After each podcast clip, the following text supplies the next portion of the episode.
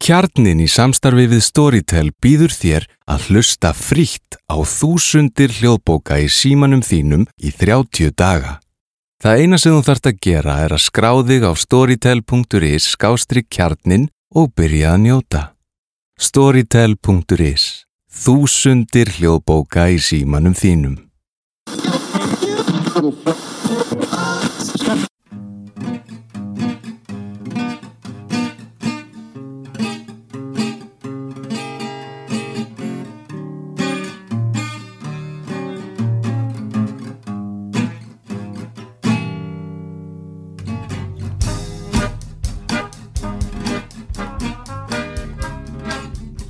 Velkomin í samtal við samfélagið hlaðvarp félagsfræðinar. Í dag er ég stött í Hamburg í Þýskalandi og hjá mér er Valerio Bakak en hann er lektor í afbrótafræði við Röttgers háskólan í Bandaríkjunum. Hann dvelur þessa önnuna við rannsóknir í Berlín en brá sér niður til Hamburgar til að geta komið í hlaðvarpið. Valerio útskrifaðist með doktorsprófi félagsfræði frá háskólanum í Pennsylvania árið 2015 og hófi kjálfari störfið Röttgers. Rannsóknir hans er á sviði heilsufélagsfræði og afbrótafræði og hafa byrst í ímsum reytrindum tímaritum. Hann hefur einnig stundar ráðgjöf á sviði líðhelsu hjá Alþjóðlegu heilbriðstofnuninu, Saminuðu þjóðunum og UNICEF. Ég skipti núna yfir á ennsku. Welcome to the podcast, Valerio. Yeah, thanks for having me. Uh, I mentioned in the introduction that you took a special trip down from Berlin just to come to the podcast. Uh, Yes. Uh, but maybe you can tell me a little bit about what you're doing in Berlin this semester. Yeah, so uh, I'm on sabbatical this semester. Um, so I spent uh, half of it in Zagreb, in Croatia, where I'm from, and then about half in, in Berlin. Um, I don't have an affiliation with any academic institution here, but I think it's really just having the time to write um, and finish up some projects uh, Mm. before I head back to the US. Yeah, sabbaticals in Germany are a pretty nice thing. Yeah, just like yourself. You already mentioned Croatia, which is a really beautiful country. I visited it last summer for the second time, um, and I think many Yeah. Icelanders have enjoyed Croatia. But maybe just to give a little bit of a feeling for it, what Mhm. was it like growing up there and sort of starting your academic career there?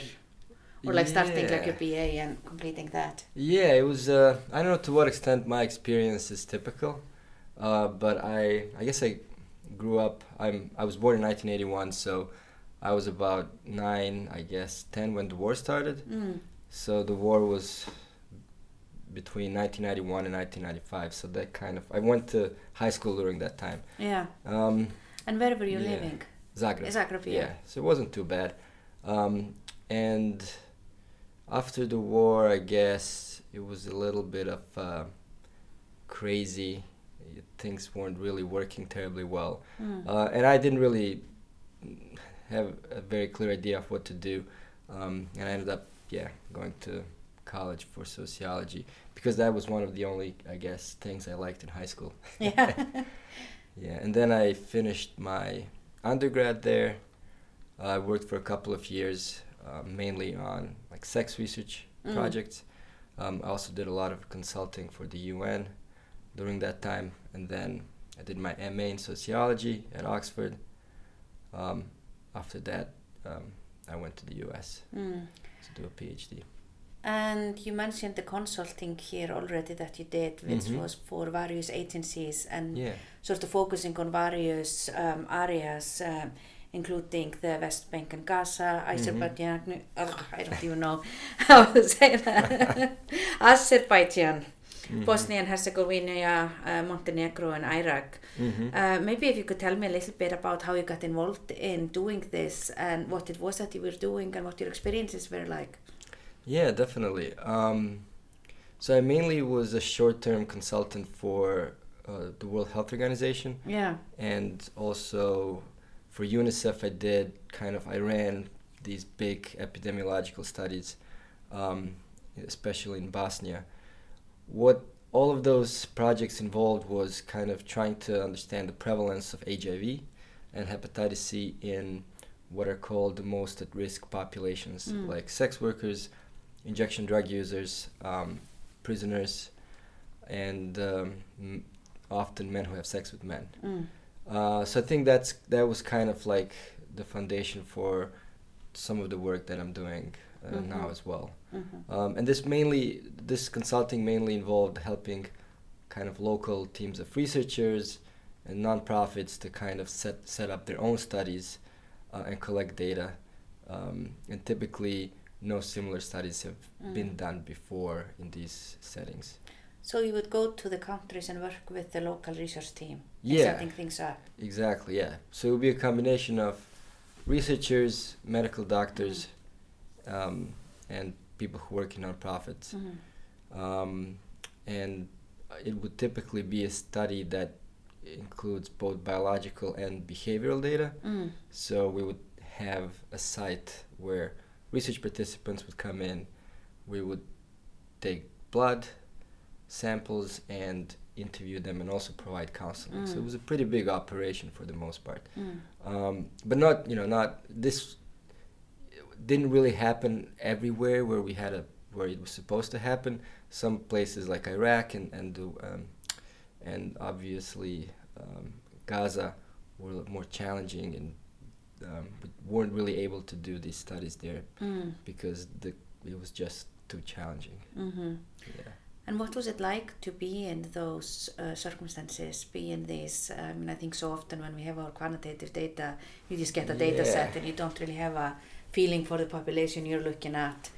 And sort of like Mhm. being there, both in countries where there have been things going on, um, as well as like working with vulnerable groups. yeah it was um, it was it was um, for me it was definitely um, a valuable learning experience. I think people were de- definitely very competent and very motivated to do this type of research. Um, and there were very really f- few obstacles um, in our way. So i think there was generally a sense that um, you know health among vulnerable populations is an important issue. Um, and even though the emphasis was HIV, and Mm. HIV is a fairly stigmatized illness, um, I think people were very receptive to the importance of um, kind of assessing the prevalence and understanding what are the ways to uh, reduce the prevalence of HIV in these populations. Mm. And in some of these places, uh, you know, like Azerbaijan, uh, I think at the time when I worked there, Azerbaijan had the highest rate of injection drug use in the world. Mm.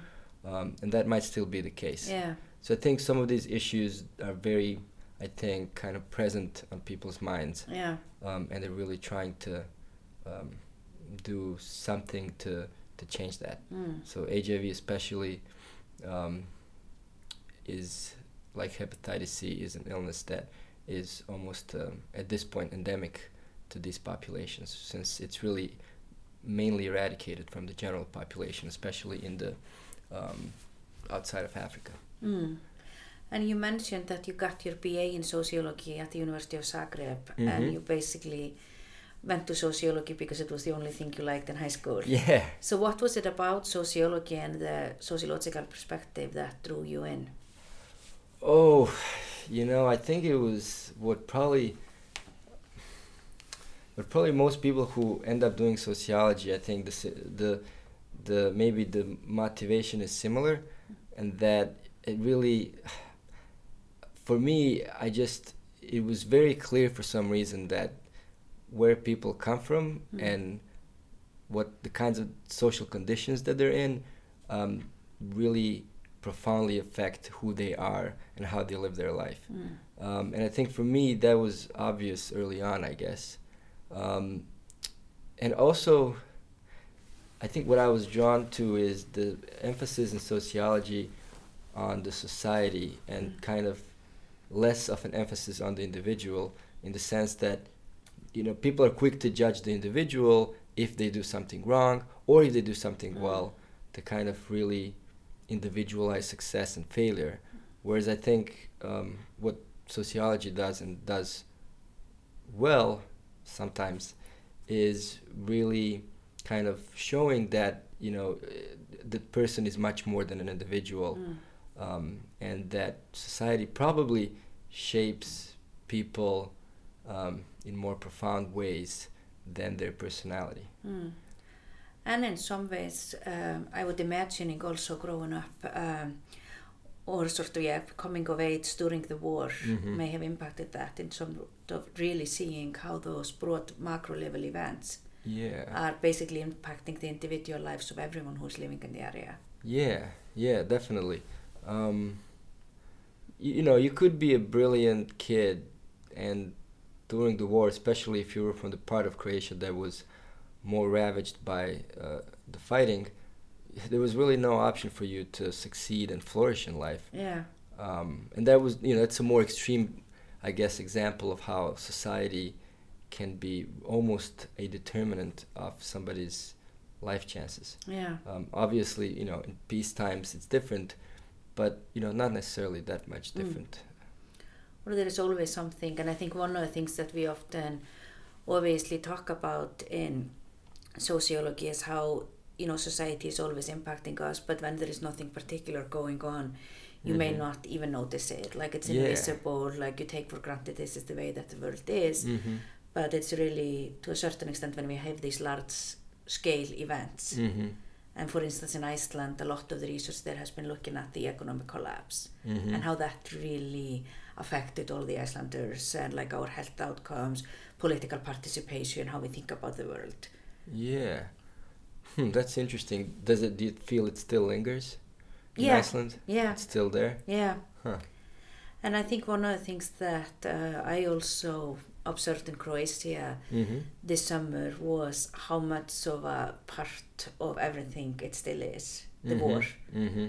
which is not surprising. And I mean, it is not such a long time since it was. Yeah, I mean, I think that my earliest memories of how like the war, I guess, affected people was uh, just it's a very homogenizing experience. You know, people all of a sudden take on these very strong national identities Mm. that you know maybe even a few months ago they didn't really have. Yeah, And I always, I, I remember as a kid, I was, I considered myself, you know, as being from Yugoslavia. I was Yugoslavian. You know, if somebody asked me, I don't, I don't think I would say I was Croatian.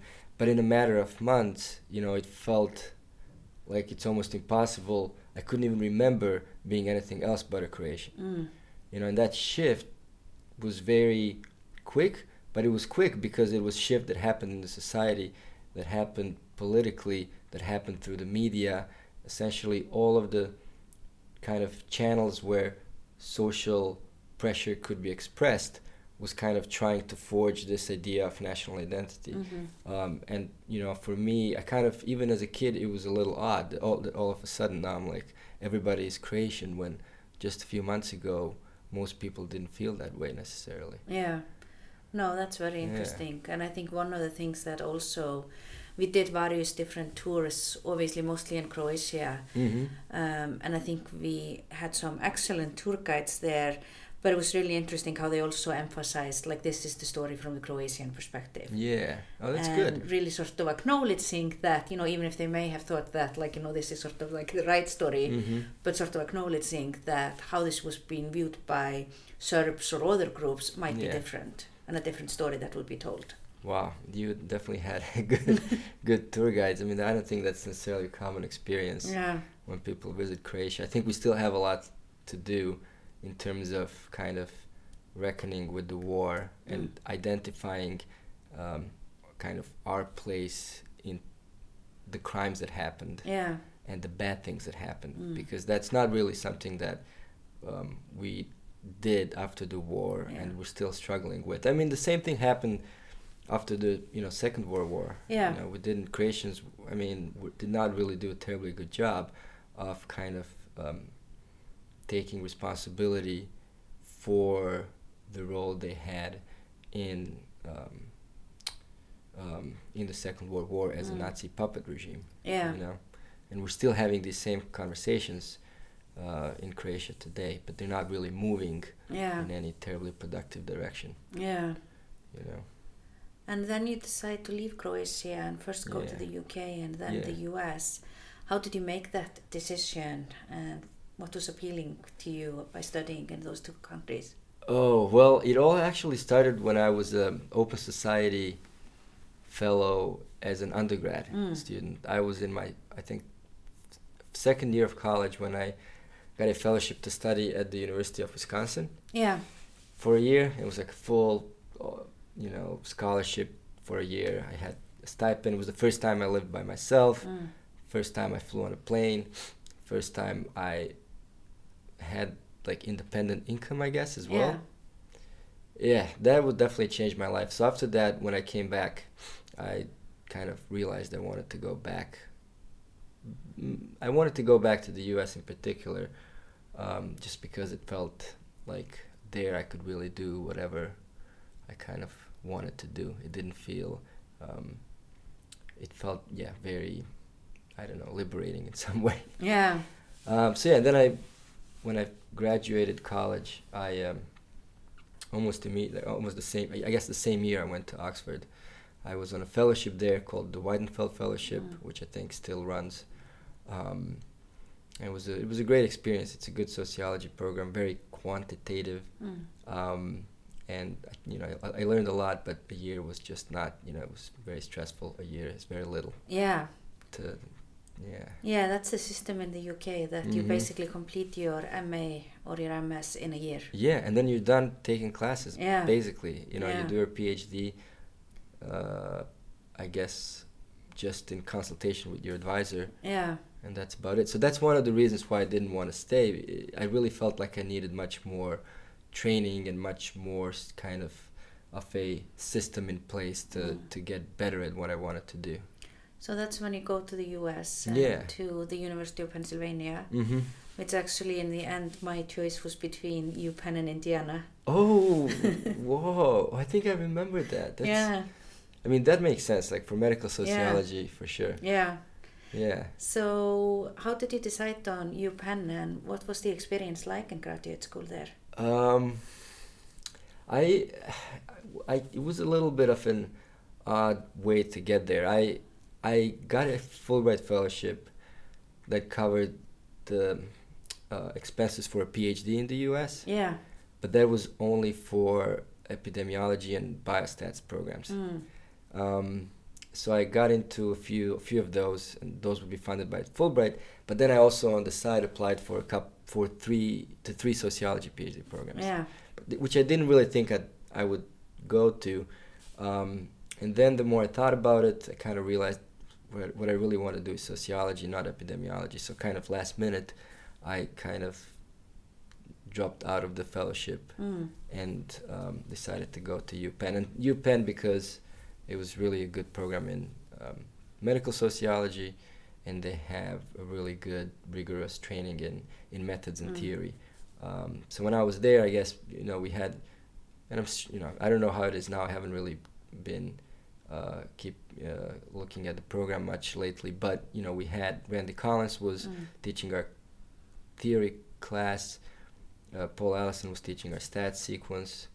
Um, Annette Lareau was teaching our pro seminar in second year pro sem Mm. for writing our MA paper. Yeah. So it's really, really kind of thoughtful, good, um, uh, amazing teachers that Yeah. we had at the time. Yeah. And what was it like to be all of a sudden, I guess again in the US, but Philadelphia probably quite different Mhm. from Madison? yeah. Oh, I was in Eau Claire, Wisconsin. Oh, Eau even Claire, Madison. Yeah, yeah, yeah. Very, very different. Yeah, Eau Claire was a tiny college Yeah. town. Uh, well, yeah, it was very different. Uh, uh, but Philly is the best city. It's Mm. amazing. It's just a very, yeah, it's a very, it's a unique city. I think in many ways. There's a lot of culture. There's a lot of, lot of st- stuff happening, um, and it's affordable. It's pretty. Yeah, it's a really good place to be a, a graduate student in. Yeah. And sort of as we are talking about graduate school, maybe Mhm. switching a little bit over to your research. Um, and uh, since graduate school and you know now as an assistant professor, uh, most of your work has been in the fields of crime and health, and Mhm. often focusing on how those two areas intersect. Yeah. Uh, so maybe if you could tell me a little bit about how you think about those two fields, and maybe in Mhm. particularly why you saw it as being an important thing to be at the intersection of those two. Oh, it's a really good question, and it's a question I think that um, is not that difficult to provide an answer to in the U.S. Mm. But I think when I speak to people in Europe, I think it's not exactly clear why a sociologist would be interested in studying the criminal justice system. Mm. Um, so I guess to kind of um, um, answer the question with regard to the U.S. Um, I guess my the way I look at the criminal justice system is kind of as one of the ways that social inequality is created and sustained, um, and that's much more clearly visible in the U.S. than it is in Europe. Mm. Um, incarceration rate in the U.S. is the highest in the world, essentially. Um, it also, many people who are not, uh, there are many people who are under other forms of uh, criminal justice supervision, like probation or parole. Many people have been arrested. So, kind of contact with the criminal justice system in its different forms is really consequential and very prevalent and really has implications for all kinds of outcomes that sociologists are typically interested in, like education, employment, health, um, and so on. So that's kind of how I got into looking at crime and health because I was interested in health inequalities.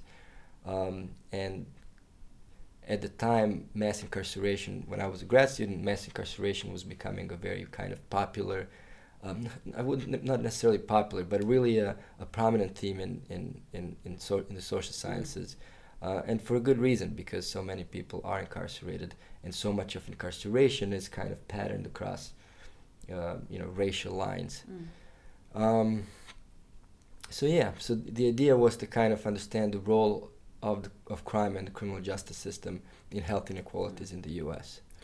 And I think, and you mentioned race here, and I think this is also a thing that maybe many Europeans wouldn't understand, Mhm. is the sort of close link between racial inequality and the prison experience, the criminal justice system in the US. Um, so, how would you, to a European, describe um, sort of maybe the different trajectories Mhm. of blacks and whites or blacks other minorities and whites within the criminal justice system? Yeah. Oh, that's a that's a big question, um, and it's a it's a question that you know people are still grappling with. But I think the most important thing to say is that in order to understand race and, the, the criminal justice system in the U- U.S. today, uh, you really need to look at race in the U.S. over the past few centuries. Yeah. You know the the way uh, racial minorities um, have been targeted by the criminal justice system is not only something that happened over the past 5, 10, or 20 years. It's really, a, um, in a way, it was shaped by you know centuries of oppression and exclusion that um, that people have experienced um, in the U.S. So, I guess for me, you know, studying the criminal justice system and some of my research is also about race is really also kind of highlighting how these historical factors and trajectories have led to what is going on today. Mm. Um, so I guess, and also related to that, you know, there's been a lot of work recently on trying to kind of um, have these incremental, smaller programs or interventions that would help people, for instance, get a job after they were incarcerated, or have access to healthcare, Mm. or have some kind of substance uh, use counseling while in prison or jail. So all of those things are, I think, are very important, but I think they kind of take a very decontextualized view of how the prison system works in the United States and why it is the way it is. Um, and I think in, in order to really change things, you know, you really need to start talking about racial and social inequality more broadly, and also start to change criminal, the criminal justice system, start changing the laws that um, that we have in the U.S. Without that, you know, the programs won't really make a whole lot of difference. But the problem is they might, you know, they might it might look like they're making a difference Mm. because people might be saying, "Oh, we're putting all this money into programs and interventions." Uh, and uh, you know, obviously, we're doing something, but that's not uh, really necessarily going to be something that's going to make an important enough change. Mm. Uh, and I think that you know, kind of to, you know, it is in line with some of the kind of sentiment that's present perhaps in the social sciences today, which is kind of this, you know, empirical approach to um, social problems. I guess you know, obviously behavioral economics and and um, and field experiments that are happening, which are kind of very specific and focused on a particular problem, but sometimes really tend to overlook the, the wider historical and political context Mhm. of places where these experiments happen. And I think some of that might also be taking place in the context of the US criminal justice Mm. system. Um, so, wow, this was a long, this is a long, um, convoluted way to say that to understand race in the criminal justice system in the US, we really need to take a long view Mhm. and understand what has happened before and has led to what we have today. Mhm. So in some ways we can really think about it as being one of the ways in which we really clearly see racial inequality in the US Yeah, and the consequences of racial inequality. Mm-hmm. And some of the things, for instance, that I've read there is uh, the likelihood of getting, for instance, a federal, um, mm-hmm. that like it's going to be a federal like crime, uh, even if it's the same crime, it's more likely if you're black. Oh, yeah, And like some of those inequalities that you just see. yeah, absolutely. A, a fair trial. That's a yeah. that doesn't happen that often. Um, well, the U.S. criminal justice system is kind of set up that in a way that if you don't have money, and vast majority of Yeah. people don't have money who uh, end up uh, in, in prison or, ja- in, or jail. Probably about ninety percent um, are what you would consider as indigent or poor. Um, so they end up having to rely on public defenders um, who are kind of court. It, it, you know, every it's a federal mandate that you know every poor person who cannot afford a lawyer um, get to be represented by for free Yeah. essentially what form that takes is different across states but typically that includes kind of a state appointed public defender Mm. um, and public defenders do a- an excellent job i mean they are really um, dedicated hardworking they know a whole lot about the criminal justice system uh, and are really kind of their motivation is very strong. The problem is that they have very few resources um, to work with their clients, to work on the cases. They have, you know, there wasn't that much research in public defenders, but one study done, I think, by the Bureau of Justice Statistics uh, about 10, 15 years ago found that on average a public defender has about five or six minutes per case Wow. and that is Crazy, incredibly yeah. incredibly difficult Yeah. if not impossible to really um, do you know ki- a thorough job kind of representing your client in Yeah. court and and that has nothing to do with the public defenders it all it has all to do with the lack of funding and support for public defenders in most states it's Yeah. not in every state new york for, city for instance has a really good public defender system Mm. uh, but that's typically not the case in other parts of the country And then, of course, we start to see the intersection of race and class in the US, uh, Mhm. where we know that, I mean, social class and wealth is unequally distributed across racial categories. Yeah, yeah, absolutely. Um, and y- y- y- that's really going to be, I think, another another another challenge for the criminal justice system. It's not only that we need to be looking at prisons um, and reducing the number of prisons, the number of people that are behind bars.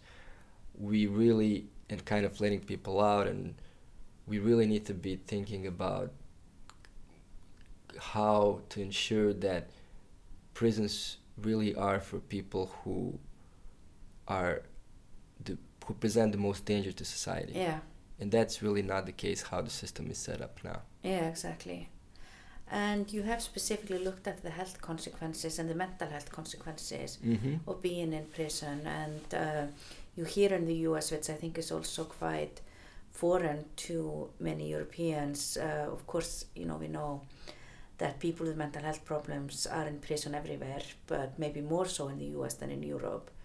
And uh, some of the prisons being referred to as basically the biggest mental health hospitals in the Mhm. country. Mm-hmm. So, what has your research on uh, this relationship found, and how have you done these studies? Uh, it's uh, It's very hard to study incarcer- the effect of incarceration on health, especially on mental health. Yeah. Um, it's it's one it, you know. There's so many sources of potential confounding and selection bias that you you would be really hard pressed to find a more challenging problem to study.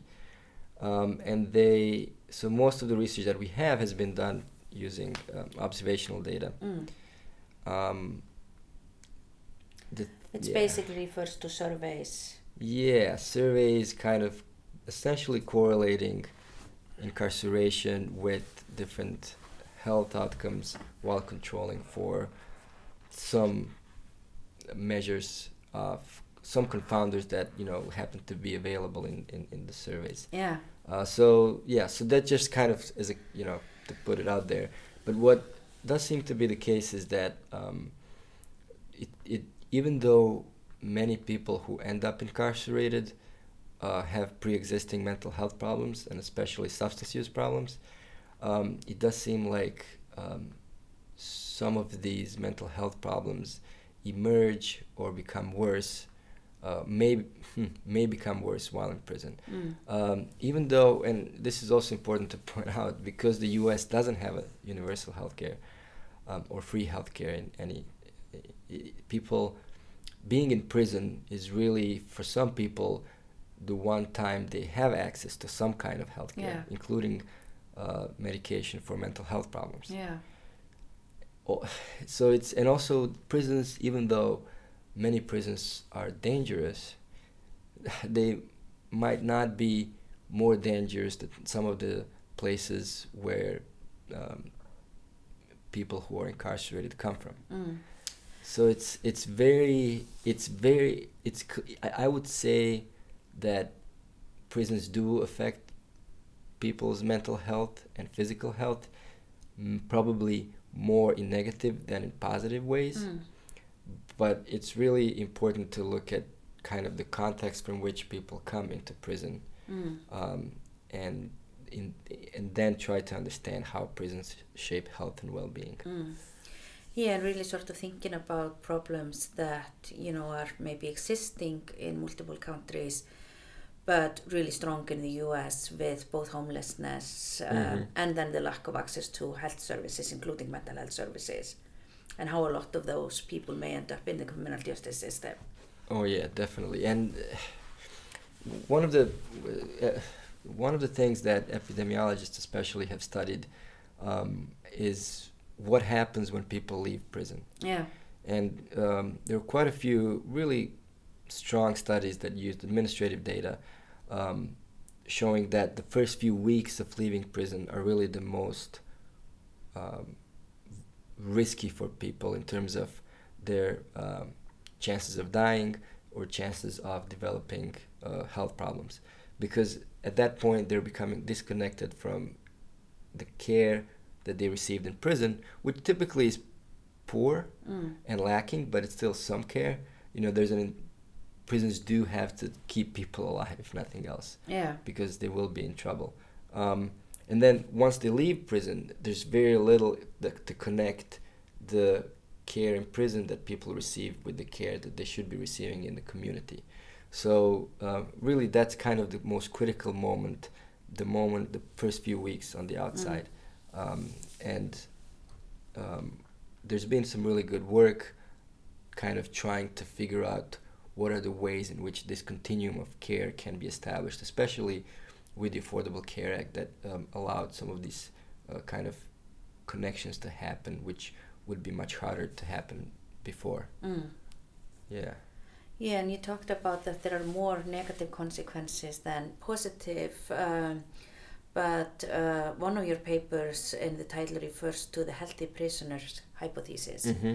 Um, could you tell me what that hypothesis is and what you found out about it? Yeah, well, that is a that's a that's been kind of in, if you read research on incarceration and health or prisons and health, it's something that comes up that will come up here and there, and basically it's a version of the healthy worker hypothesis, which kind of shows that people who are employed have better health or lower mortality than people who are unemployed. and that you know might just be a kind of a selection of healthy people Mm. into the workforce. Um, so um, the same, I guess, we try to look at the same thing in prison populations um, by looking at health of people before they were incarcerated um, com- and comparing them to the same or similar people who were not incarcerated. Mm. And we didn't really find that, you know, people um, enter prisons any healthier. And that kind of goes back to this line of research that found that, um, especially among African American uh, men, mortality rates are lower in prison than they Mm. are in the community. Yeah. Um, so the idea was that, well, you know, you need to be healthy to commit a crime, uh, and therefore, once you're in prison, it's not really perhaps that prison has any protective effect on your health and well-being. It's really that you were healthy to begin with, Yeah. and that's why you're seeing kind of lower mortality in prisons. Yeah. Uh, but that doesn't really seem to be the case. Although, I mean, I should say, I mean, the, there should be more research on this topic. It's not, our study was not conclusive in any Yeah. way. Yeah. And sort of continuing to pursue this broader research at the end, uh, um, and maybe going back to some of the difficulties you were saying with uh, getting good data to Mhm. measure this. You have a recent paper in Social Forces uh, using a natural experiment to look at the mental health consequences of imprisonment. Uh, how did you do that experiment and what did you find? Yeah. Oh, that was um, with my colleagues from Denmark. Uh, well, with just one of them for this paper. Yeah, the Nordics. Yeah, they have. You know, they uh, Lars Andersen was visiting uh, my department about two or three years ago, I think.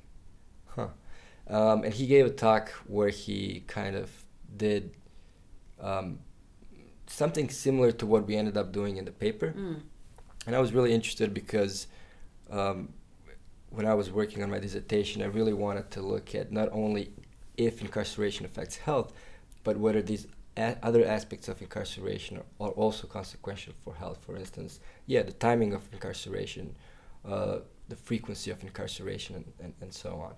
Um, so yeah, so Lars had really excellent data. It was population registry data from Denmark. Mm. Um, and I kind of pitched the idea to him, and we, um, we, we I think this was probably one of the first studies to use a, you know, quasi-experimental or natural experiment to Mm. study the effects of in, of incarceration on health, and we found that And how did you do Mhm. that? Like, what do you mean by sort of a natural experiment? Oh, okay. So, um, so in 1994, um, the I think well Denmark um, uh, created a law that the goal was to um, send people to prison more quickly, so Mm. they're not waiting for being to being sent for too long. Um, it was tr- I guess the goal was to kind of to make the system more efficient. Yeah. Um, so what they did is they, um, because of this law that was instituted in, in, in 1994 on a particular date, um, you know, there were people who uh, ended up in prison earlier than they would have before Mm. the the law was enacted. Yeah. So we kind of compared people before and after the law, um, be- and because these were basically the same people, uh, it's just that one group was the experimental group, I guess, Yeah. ended up incarcerated sooner uh, than the than the non-experimental group. Yeah. So we kind of compared these two groups, um, and we found that in, indeed, for really for three out of the four mental health outcomes we looked at, people who were incarcerated earlier um, had worse health um, years later, Mm. and we kind of talk about that from more kind of develop um, developmental perspective and life course perspective, I guess, and kind of trying to w- show that these experiences like incarceration are really turning points in people's lives. Mm. And even though they might happen only a few months earlier, they can have profound consequences Mhm. years later. hmm And did you offer any explanations for why this difference came between the two groups? Like what it was about getting earlier in? Uh, yeah, well, you know, one of the things is that um, the people we looked at were young offenders, mm. um, and it's oftentimes even a short, um, a lot of I guess psychological uh, and changes happen in young adulthood, yeah. and people who perhaps end up incarcerated younger um, have not had the ability to maybe develop some of the coping skills mm. that the older prisoners have to deal with the stress of incarceration and separation from their family or their communities. Mm-hmm. Um, so I guess that was why that was why we kind of wanted to do the study in the first place to see if um, if timing really makes a difference. Mm. Uh, so yeah. And you basically find that it does. Mm-hmm. Exactly. And I think another topic that is very much uh, discussed in the US and we hear about from the US is um, contact with police and mm-hmm. again how that is different across racial lines. Uh, but you have a recent paper that is coming out in social science and medicine where you actually look at this in Europe and mm-hmm. specifically at police contact and well-being. Um, and if you could talk a little bit about why would we expect this relationship to, what would we expect the relationship to be, and uh, what do you find in the paper? Yeah, well, it's a that was a I'm really happy I got to work on that paper. It's it's it's I w- wouldn't have happened without you.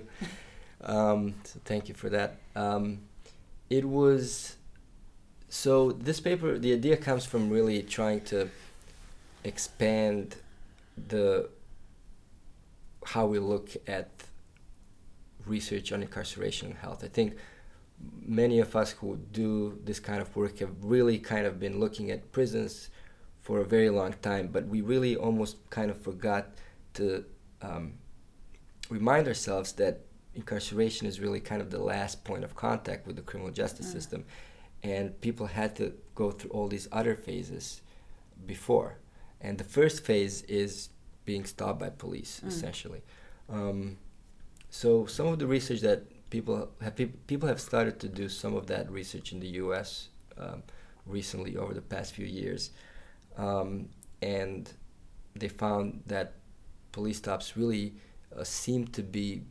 detrimental for mental health and mm. emotional well-being so uh, Bob Apel and I, my colleague at Rutgers, we wanted to kind of see to what extent um, that could be happening in Europe as well. Mm. And the 2010 European Social Survey had a question about police contact and also uh, obviously had a few questions about health as it usually does. Um, and we did in in fact find that being stopped, being in contact with police, it's not a police stop, but it's more. The question was a little broader than that. We found that it's it's it's negatively correlated with you know self-rated health, functional limitations, mm. feelings of loneliness, feelings of happiness, and emotional well-being. Um, and this was very much kind of an exploratory study, but I think it's it's it, it's a good foundation to start thinking about police contact as really um, as a as an important mechanism in in social inequalities in health mm-hmm. in Europe as well, because many people um, are in contact with police at some point, mm-hmm. and the now that now with the refugee crisis and with the f- police being kind of in charge of enforcing immigration laws and being a little more perhaps proactive, perhaps even more confrontational than they were other than they were before. These um, police contact may actually um, keep having um, an influence on, on health outcomes. Um, so yeah, so that was kind of mm-hmm. like the the idea behind the paper. Um, what, what you know also it's kind of relatively easy to motivate, kind of to convince a reader in the U.S. that this topic is important because in the U.S. many people on a daily basis uh, are in contact, in Yeah. some form of contact with police. Um, whereas in Europe, that's not necessarily Mhm. the case. But when you look at, and also there's more police violence in the U.S. and Yeah. officer involved shootings than in Europe. Many, uh, obviously, much more. But um, when you there's very few studies actually in Europe that look at police use of force, Yeah.